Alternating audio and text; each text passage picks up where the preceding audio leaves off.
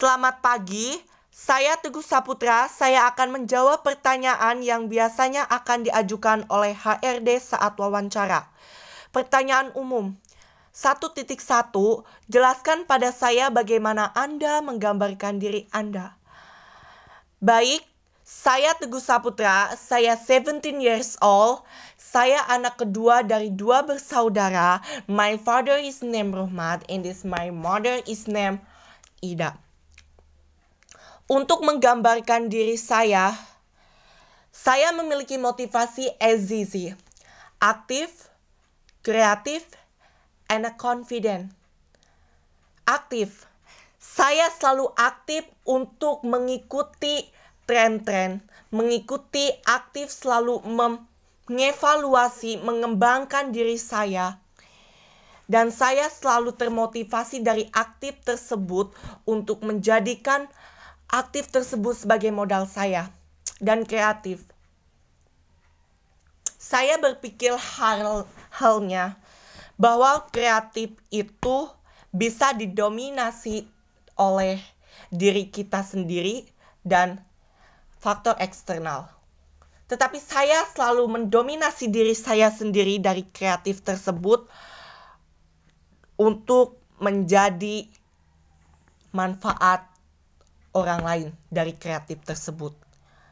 Dan confident atau percaya diri percaya diri saya salah satu modal terbesar saya untuk menjadi saya dan untuk menunjukkan ke dunia luar bahwa diri saya adalah ini dan bahwa sikap saya adalah ini dan confidence saya adalah ini suatu modal saya adalah percaya diri ketika kita tidak percaya diri apa yang bisa kita jadikan modal percaya diri tersebut itu hal sedikit dari penggambaran diri saya. Oke, saya akan menjawab pertanyaan selanjutnya yaitu 1.2 apa kelebihan dan kekurangan Anda? Baik, kelebihan dan kekurangan saya. Apabila saya tidak mendapatkan atau tidak berhasil mendapatkan tujuan saya. Di situ kekurangan saya. Saya suka merasa down. I'm down. I'm stop. Saya berpikiran untuk stop. Berpikiran untuk selesai. Saya sudah melakukan ini. Saya gagal. Udah saya tidak bisa melakukan lagi. Saya tidak akan melakukan lagi. Dan saya sudah is very down di situ. Dan kelebihan yang saya miliki saya rasa saya memiliki rajin, kerajinan rajin, powerful, strong, confident dan ya ya saya selalu giat belajar, giat dalam aktif yang itu mungkin itu tetapi saya selalu mengembangkan kelebihan saya, menggali, menggali, menggali. Terus kelebihan apa saya yang saya bisa, yang saya punyai, yang saya bisa mumpuni. Ya. Oke, saya akan menjawab pertanyaan selanjutnya yaitu 1.3. Apa saja prestasi yang pernah Anda raih pada pekerjaan yang terdahulu atau ketika sekolah? Baik. Prestasi yang saya pernah raih adalah ketika saya mendapatkan tujuan saya. Contohnya, saya saya pernah mendapatkan juara atau ranking atau peringkat dalam satu kelas yaitu juara satu dan juga top 5 dari satu angkatan tersebut. Dan masuk top 5 dari angkatan tersebut dari, dalam satu angkatan. Dan itu pada masa kemarin dalam tingkat sekolah menengah pertama SMP ya this mungkin itu. Oke saya lanjut saya dari pertanyaan selanjutnya yaitu 1.5. Mengapa Anda tertarik untuk bekerja di perusahaan ini? Baik.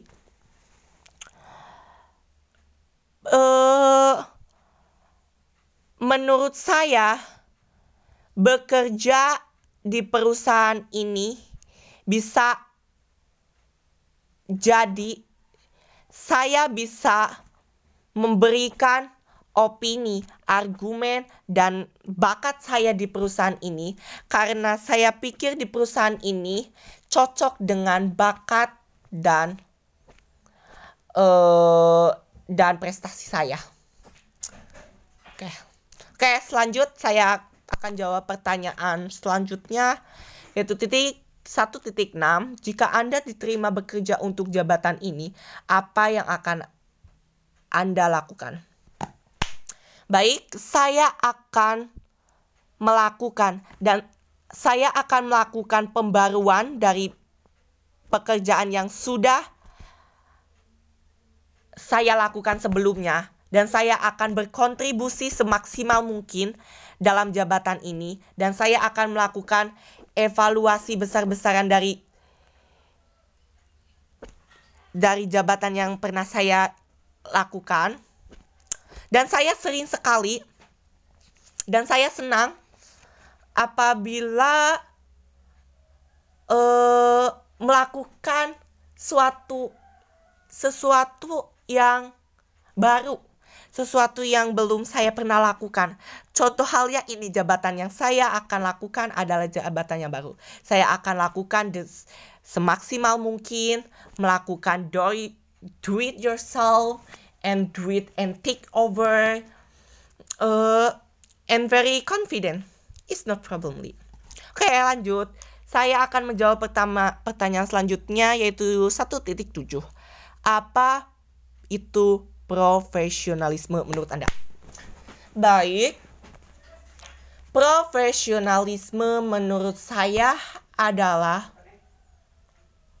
suatu tanggung jawab suatu kewajiban suatu keharusan dan suatu dan sesuatu yang tidak memandang ke depan, ke belakang, ke kanan, ke kiri dan tidak melihat dari beberapa arah. Kita harus profesional, kita harus kita harus uh, kita harus apa itu teh? Kita harus bekerja keras secara secara apik, secara secara apa yang benar, apa yang salah, kita harus profesional itu. Menurut saya itu, profesional itu adalah suatu tipe kerja yang bisa kita mumpuni. Oke. Kita lan saya lanjut ke pertanyaan selanjutnya yaitu 1.8. Apa itu teamwork menurut Anda? Baik, teamwork menurut saya adalah tim kerja. Tim kerja itu kita harus saling bekerja sama, saling tolong menolong, saling solidaritas, saling saling saling beri tanggapan satu sama lain. Untuk menyukseskan teamwork kita, kita harus saling percaya satu sama lain demi demi pekerjaan itu kita harus memiliki teamwork karena kita hidup tidak bisa berdiri sendiri. Kita harus memiliki hubungan, kita harus memiliki kerjasama yang baik. Menurut saya itu teamwork. Oke, saya lanjut ke pertanyaan selanjutnya atau pertanyaan yang terakhir yaitu 1.9 apa hobi Anda? Baik, hobi yang saya sering lakukan yaitu is reading, writing, and listening music. Reading, membaca. Saya sering membaca buku-buku, tetapi saya sering membaca buku yang selalu mendedikasi, yang selalu mengedukasi, mengedukasi tentang hal-hal yang baru. Saya senang itu, apalagi tentang sejarah uh, tentang dongeng juga saya suka.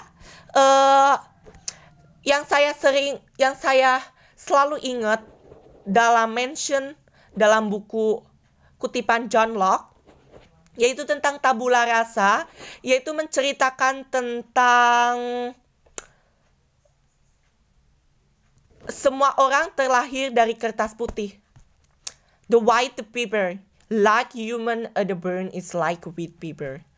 Terlahir dari kertas putih, ter terlahir dari kertas putih. Bahwasanya semua orang terlahir dari kertas putih dan apa pun yang dia torehkan torehkan di di kertas putih itu adalah akibat atau sebab dari keluarganya, uh, lingkungannya, masyarakatnya, around the people, uh, orang-orang yang ada sekelilingnya. Uh, dan yang hobi saya yaitu menulis, menulis. Menulis adalah menurut saya suatu keindahan tersendiri untuk saya. Karena saya sering menulis, saya sering menulis, sering memperhatikan detail-detail abjadnya, apakah itu indah atau tidak titik komanya karena menulis akan mena me akan menampilkan suatu keindahan tersendiri menurut saya apabila tulisannya itu rapi. Saya sering menulis dengan susunan yang rapi. Oke, dan yang terakhir yaitu hobi saya listening music. Music, siapa sih yang gak tahu musik? Siapa sih yang gak suka musik? Musik diibaratkan sebagai rajanya kebahagiaan. Don music is don life. Saya sering mendengarkan, apalagi lagunya From Bibi Rexa, Rita Ora, uh, Ellie Brooks dan banyak lagi. Oke, saya akan menjawab pertanyaan kedua yaitu pertanyaan khusus.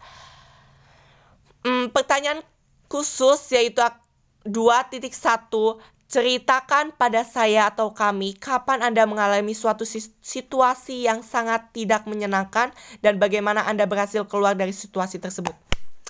Uh, baik situasi yang tidak yang sangat tidak menyenangkan. Saya pernah mengalami mengalami situasi di mana saya gagal mendapatkan tujuan tersebut, tujuan yang saya impikan. Dan saya selalu tujuan tersebut, impian tersebut saya tulis di dalam buku. Ternyata hasilnya is not nothing. Tidak tidak ada yang saya coret dan saya selalu evaluasi evaluasi itu saya bukan hanya berpikir doang tapi saya tulis evaluasi tersebut dan saya jalan keluarnya hanya mengevakuasi dengan buku saya gagal hal ini. Saya harus lakukan ini lagi. Tetapi saya akan memperbarui dan saya akan mengembangkan tersebut. Begitu menurut saya. Oke, lanjut. Saya akan menjawab pertanyaan 2.2. Ceritakan pada saya atau kami bagaimana Anda meyakinkan klien Anda ketika Anda melakukan presentasi. Uh, saya akan meyakinkan klien dengan dengan kemampuan saya. Ya, dengan kemampuan saya. Saya akan melakukan presentasi dengan sebaik mungkin, dengan performa yang full, is my body language, uh, look a person, uh, first impression saya akan lakukan itu dan saya akan menjabarkan dan saya akan mempresentasikan hal-hal yang saya harus lakukan dan saya akan menjual modal diri saya apa yang saya apa yang saya apa yang saya punya dan saya akan jual dan dengan kata-kata yang yang dengan kata-kata yang sangat membujuk dan sehingga orang lain bisa terbujuk itu yang saya akan jual. Dengan kemampuan saya. Oke dua saya selanjut saya akan menjawab pertanyaan 2.3 Coba Anda ceritakan bagaimana Anda mengatasi itu situasi di mana Anda harus melakukan banyak tugas dan Anda harus membuat prioritas tugas mana yang harus didahulukan. Baik. Balik lagi ke hobi saya yaitu menulis. dari beberapa banyak tugas, saya akan tulis terlebih dahulu dan saya akan pilih dan pikir beberapa kali mana yang harus diprioritaskan dan mana yang harus dipertamakan saya selesaikan tugas tersebut. Uh, pertama, saya akan selesaikan tugas yang menurut saya sudah menjadi diri saya sendiri, sudah menjadi kebiasaan saya sendiri, sudah menjadi makanan saya sendiri. Dan selanjutnya, ketika bukan makanan saya, saya akan mencari, mencari, mencari, dan mengevaluasi tersebut. Dah. Oke, lanjut. Saya akan menjawab pertanyaan 2.4 biasanya biasanya anda ceritakan keputusan apa yang pak bisakah Anda ceritakan keputusan apa yang saling sulit Anda buat dalam setahun terakhir ini. Mengapa demikian? Baik. Saya posisikan diri saya sebagai siswa yang baru out mau school, mau keluar dan memilih antara kuliah atau bekerja. Tetapi saya posisikan dalam sudah memilih teknik atau jurusan bersekolah di SMK atau lanjut bekerja. Saya akan memilih bekerja terlebih dahulu. Sebenarnya pendidikan sangatlah penting. Sangatlah penting. Sangatlah penting. Tetapi pekerjaan juga sangat penting. Tetapi dalam usia rentan atau usia uh, usia produktif bekerja adalah masa-masa keluar sekolah, masa masa-masa luar di mana kita memiliki usia produktif, di mana masa usia produktif tidak kita bisa ulang lagi. Tetapi pendidikan, pendidikan bisa dilakukan dari mau dia kecil, besar, tua, kapan pun bisa, bisa kita mencari pendidikan tersebut. Jadi saya akan masalah yang saya sulit itu antara mencari bekerja terlebih dahulu atau kuliah di situ. Tetapi saya sudah mendapatkannya yaitu bekerja terlebih dahulu karena bekerja melihat dari usia produktif. Kalau pendidikan bisa kapan pun. Terima kasih. Oke, saya akan lanjut. Uh, pertanyaan 2.5 ya. Ceritakan mengapa tim Anda gagal mencapai tar target pada tahun sebelumnya dan bagaimana Anda memotivasi tim tersebut sehingga dapat meraih sukses di tahun berikutnya. Oke. Mungkin dari tim yang sebelumnya gagal, mungkin dia dari setiap individualisme tim tersebut selalu memikirkan egonya sendiri. Selalu memikirkan diri sendiri atau egoisme. Saya dari egoisme tersebut maka akan gagal dari tim tersebut. Dan untuk memotivasi saya, saya akan memberikan cerita tentang pengalaman hidup saya bahwasanya kita harus memulai sesuatu dengan menulis. Menulis terlebih dahulu. Semangat terlebih dahulu. Oke. Oke, lanjut. Saya akan menjawab pertanyaan 2.6 bagaimana cara Anda menyelesaikan konflik dan beri contohnya. Oke. Saya menyelesaikan konflik atau masalah uh, ketika saya bangun tidur dan saya duduk di kursi dan melihat pemandangan, melihat pohon, saya mampu berpikir untuk menyelesaikan masalah. Dan saya dengan berpikir dengan cara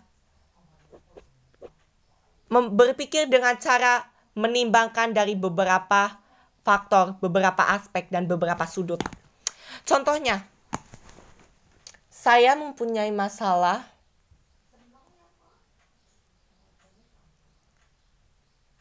saya mempunyai masalah dengan diri saya sendiri di mana keinginan saya harus ingin dilakukan atau dipenuhi oleh my parents.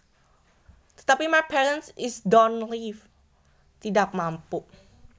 Dan saya berpikir is mungkin dia is not visible mungkin dia belum mencari mungkin itu contohnya. Oke saya akan menjawab pertanyaan terakhir. 2.7 biasanya anda dicerit anda cerita bisakah anda ceritakan suatu kejadian di mana anda mencoba untuk menyelesaikan suatu tugas dan ternyata gagal uh incredible ya pertanyaannya. Saya ceritakan suatu kejadian di mana Anda mencoba untuk menyelesaikan suatu tugas dan ternyata gagal. Baik. Saya menyikipak men, per, lagi itu saya pernah mengerjakan tugas atau skripsi tentang makalah. Ternyata di situ salah dan oleh pembimbing dicoret. Wow, emosiku ya, meronta dong. Tetapi dengan kegagalan itu saya tahu bahwa semua yang menurut kita benar belum tentu benar. Belum tentu benar. Dan untuk menyelesaikannya, saya selalu menanyakan dan menanyakan lagi. Menanyakan, menanyakan lagi. Menanyakan kepada pembimbing, salah lagi, left. Salah lagi, leave. Is don't forget. Dan untuk menyikapinya, saya is very smiling, is very dengan senyum aja. Tidak memikirkan beberapa kerugian yang saya sudah lakukan. Tapi pada dasarnya basically itu untuk ke kebaikan kita sendiri sih. Untuk kebaikan kita sendiri, Kegagalan bukan akhir dari segalanya, tetapi kegagalan tersebut akan menjadi suatu awal dari perjuangan kita. Oke. Terima kasih. Mungkin mungkin itu pertanyaan dari saya Teguh Saputra. Terima kasih. Thank you. Thank you. Bye bye.